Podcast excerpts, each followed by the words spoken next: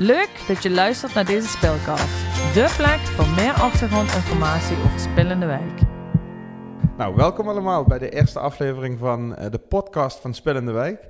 En laten we het uh, beestje meteen bij de juiste naam noemen bij de eerste aflevering van de Spilcast. Want dat is uh, zoals die genoemd gaat worden. Ik heb aan tafel de peetvader van Spillende Wijk, François Mostard. En aan de andere kant zit Dunja van projectbureau Ja. Eigenlijk ook vanaf het eerste uur betrokken, maar dan vooral aan de organisatie- en proceskant. Nou ja, laten we gewoon starten. Spillende Wijk, vertel, wat is een Spillende Wijk, François?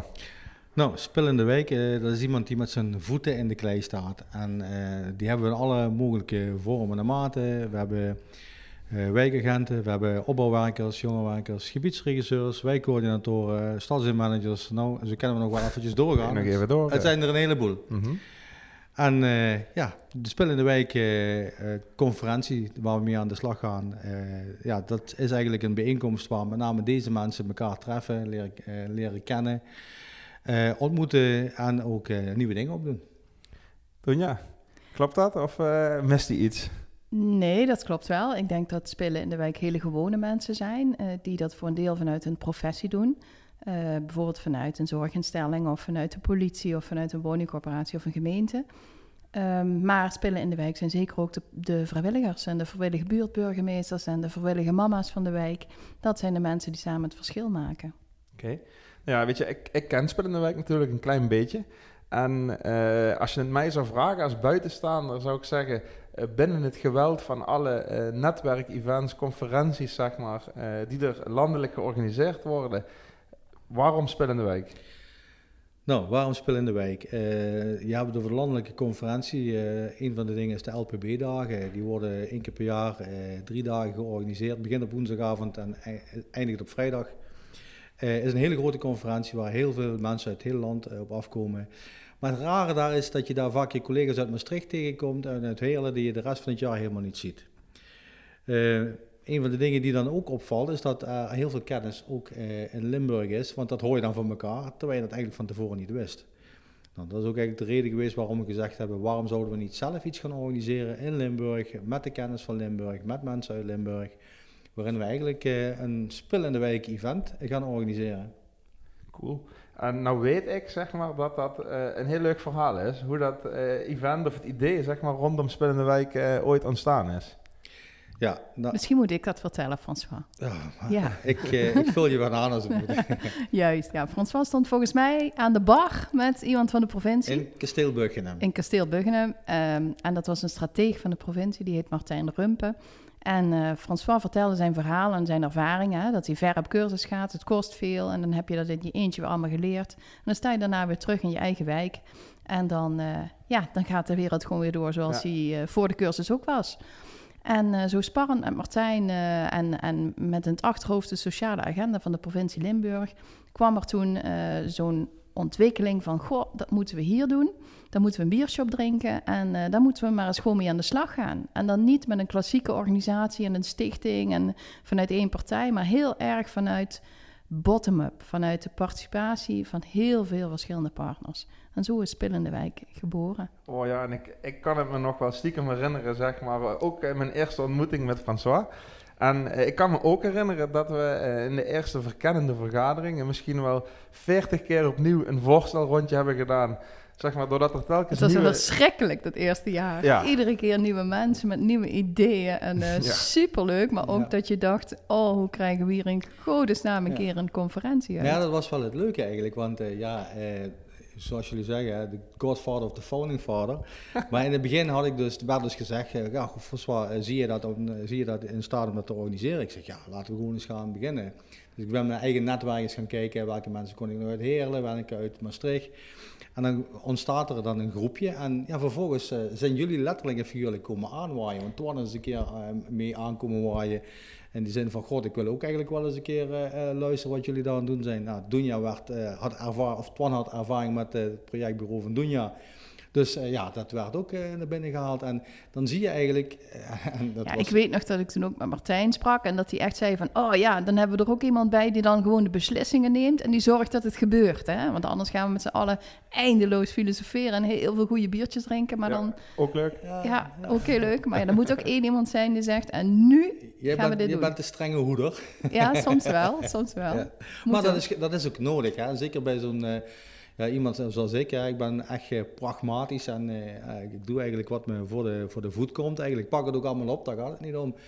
Maar ja, soms leg je de prioriteiten net ergens iets anders. En dan ben jij toch wel degene die ons dan weer, eigenlijk weer op het juiste spoor Oh, ja. zet. Maar dat heeft ook eigenlijk zijn voordeel, want daardoor krijgen we wel ieder jaar een hartstikke goed programma. Ja, dat- eh, eh, voorspellende week. Ja, Ja, daar, daar wil ik nog wel stiekem even op inzoomen. Hè? Want je, je geeft al aan van ja, ik ben eigenlijk heel pragmatisch en ik zou het bijna organisch noemen. Ehm, en dat is volgens mij ook wel typerend zeg voor het proces eh spel in de wijk en groeit tot nu toe.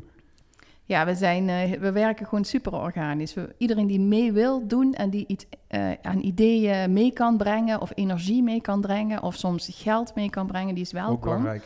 En dat doen we gewoon samen. En we hebben dus ook een kringetje mogelijkmakers om ons heen. En dat zijn de partners, de partijen die het echt mogelijk maken. En dat kan zijn door handjes of, of hersenen te leveren. En ook door geld te leveren. Want we willen deze netwerkdag ook voor, door en met de spullen doen. En hen ook eh, aanbieden zonder dat ze daar iets voor hoeven te betalen. Zij, brengen, zij betalen met hun energie en met hun ideeën en met de wil om elkaar te ontmoeten. Ja, het mooie daarvan vind ik dat, eh, eh, eh, tenminste voor, mij persoonlijk, vind ik net zo waardevol een partij die inhoud brengt eigenlijk aan het in de wijk als iemand die financieel een bijdrage doet. Terwijl we ze allebei nodig hebben, maar het een kan niet zonder het andere. En eh, wat, wat, wat mooi is, omdat we uit diverse eh, groepen komen eigenlijk. Hè. Eh, mensen van de gemeente, mensen van zorgorganisaties, mensen van welzijnsorganisaties, woningcorporaties. Allemaal met hun eigen ideeën. En het gaat om het werken in de wijk, het wijkgericht werken, het bezig zijn met mensen. En dan is het mooi om te zien dat iedereen zijn eigen expertise kan binnenbrengen. Maar we hebben het wel met z'n allen erover. Hè. We hebben verschillende werkgroepen bij Spel in de Wijk. Hè. En in die werkgroepen wordt dan ook eh, gekeken van wat is, nou, wat, zijn, wat is een goed programma. Dat bepalen we trouwens samen. Ja, het begint bij de inhoud. Hè? Dat Ja. is wel belangrijk. Ja. Het centrale thema en eh, de verschillende onderdelen die je uit dat thema kunt halen, die zijn belangrijk. En daarnaast hebben we een werkgroep die echt aan een speciale locatie werkt. Want we doen ieder jaar Spel in de Wijk op een andere plek. En dit jaar, eh, komend jaar gaan we dat doen in Maastricht. Eh, afgelopen jaar in Limburg, dit jaar daarvoor in eh, Roermond. Ehm, en we hebben een werkgroep die werkt aan de catering, want de inwendige mens moet ook goed verzorgd worden. En we hebben een werkgroep die werkt aan het netwerk. Want we vinden het heel belangrijk dat het eigenlijk de groep mensen die wij bereiken met Spel in de Wijk steeds groter wordt. Ja. Dat wordt in onze ogen echt een levend netwerk. Ja, we hebben het eh, eigenlijk de hele tijd over de inhoud van Spel in de Wijk. En je tipte het net al aan. Het is belangrijk dat mensen eh inhoud en energie meebrengen.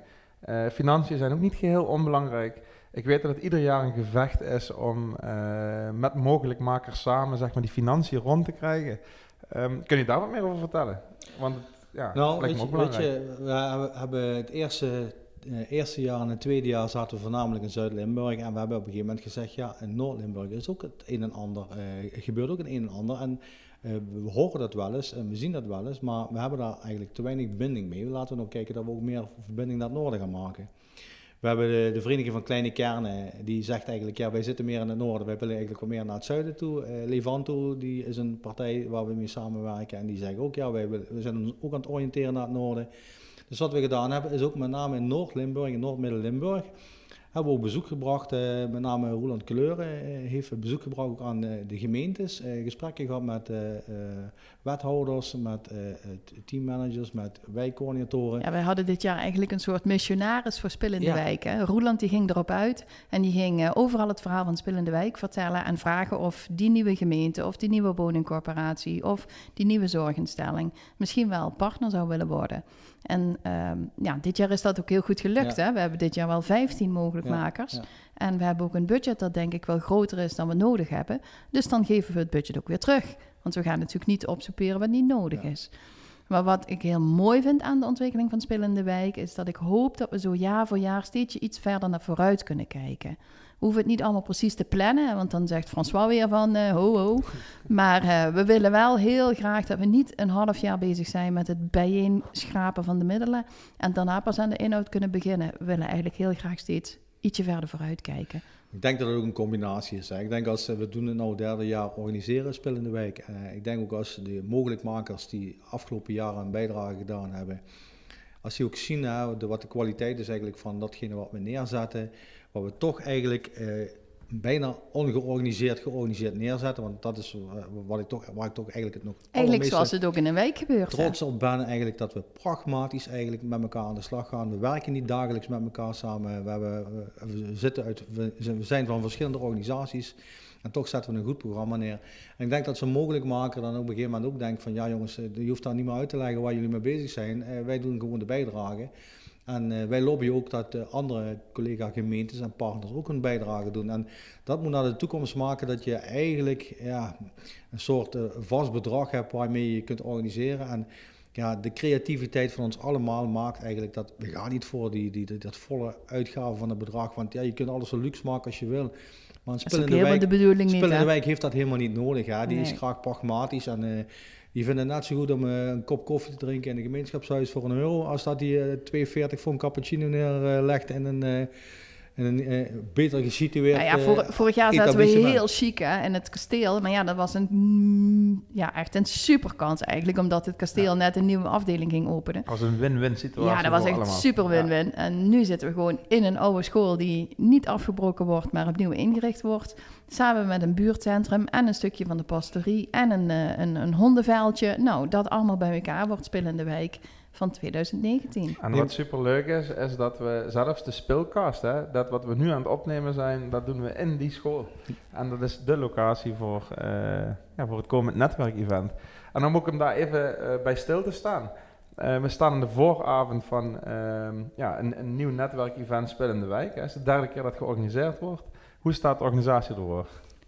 Um, nou, we zijn nu wel op het punt dat de ideeën een beetje ingeperkt moeten worden en dat we uh, er weer meer lijn in gaan brengen, maar dat gaat hartstikke goed. We hebben als thema gekozen dit jaar uh, de vraag: wat verwacht je van mij? Uh, en daarbij de ondertitel vasthouden of loslaten. Omdat dat toch wel een thema is dat bij heel erg veel processen en projecten waar spelen mee te maken hebben speelt. De speel moet zich af en toe afvragen van kan ik dit initiatief of uh, die, dit project vastpakken en beter maken en dan weer losmaken, loslaten. Maar dat moet ook een buurtbewoner zich afvragen. Durf ik mijn initiatief of mijn idee wel aan die speel over te dragen, even los te laten en weer vast te pakken als het nodig is? En dat is best wel een terugkerende vraag. Ja. Zo pakken we ieder jaar een ander thema. Heb je het antwoord daarop, François? Ja, weet je, dat, dat, dat vasthouden en of loslaten. Want dat was eigenlijk, na vorig jaar was dat eigenlijk uh, in de evaluatie, zei, wat, wat gaan we, waar gaan we het volgend jaar over hebben? Uh, van vorig jaar was het, mag ik met je meedoen? En uh, toen hebben we al heel snel gezegd, vasthouden en of loslaten. Het verhaal rondom participatie. Hè. Participatie wordt heel divers uitgelegd. Ieder heeft daar wel een andere benadering voor. Maar wat betekent dat nou eigenlijk precies? En wat betekent dat voor jezelf? Wat betekent voor jezelf als professional, maar ook als vrijwilliger? En wat we ook heel vaak zien is uh, dat uh, professionals die blijven doorgaan, doorgaan, doorgaan, omdat ze toch eigenlijk tegemoet willen komen aan de vraag van de, de, de bewoners, om, om die te, te, helpen. Of soms ook van de wethouder. Hè? Maar of, ook aan de andere kant, de bewoners die, die, ja, we zeggen wel eens, als je kijkt naar vrijwilligers, het is vaak vissen uit dezelfde vijver. Hè. De, degene die vrijwilliger is, is vaak vrijwilliger op meerdere vlakken. En ook wanneer laat zo'n vrijwilliger nou eens los? Hè? Dat hij zegt van ja, eh, want dat was een, best een interessante bij de inhoudelijke thema's. Burn-out, hè? burn-out bij professional en burn-out bij, uh, bij vrijwilligers. Hè? Wanneer treedt dat op? Wanneer, hoe komt dat dan? Hè? Ga je te lang door? Waar ben je dan, ben je dan te intensief daarmee bezig en kun je niet loslaten? Dus uh, het is heel divers. Hè? Het thema vasthouden en loslaten kun je heel divers eigenlijk zien in, in de workshops. En ik, ik relateer dat altijd aan het opgroeien van een kind. Hè. Dat moet je ook loslaten, maar loslaten is niet uit je hart of zo. Loslaten is niet hard, loslaten is juist heel zacht. Dus ja, als je jouw initiatief loslaat, dan is het als een soort kindje dat verder groot gaat groeien. Of misschien wel een ander kindje gaat worden. Maar dat is prima. Mooie ambities voor en een mooi thema ook voor uh, komende editie. Uh, ik wil nog heel even stilstaan. Ik zei al bij het begin, uh, bij de aftrap eigenlijk van deze eerste speelkast. Eh, ook een nieuw medium, zeg maar, om mensen zowel eh, inhoudelijk als procesmatig te info- informeren. Ja, het is wel spannend, zo'n podcast. Ja, dat is wel leuk ook, Ja, hè? heel leuk, ja. Ja. Ja. Misschien dat eh, iemand van jullie daar nog iets over kan vertellen. Want als ik mij goed herinner, is die speelcast eigenlijk ontstaan uit een groeiambitie.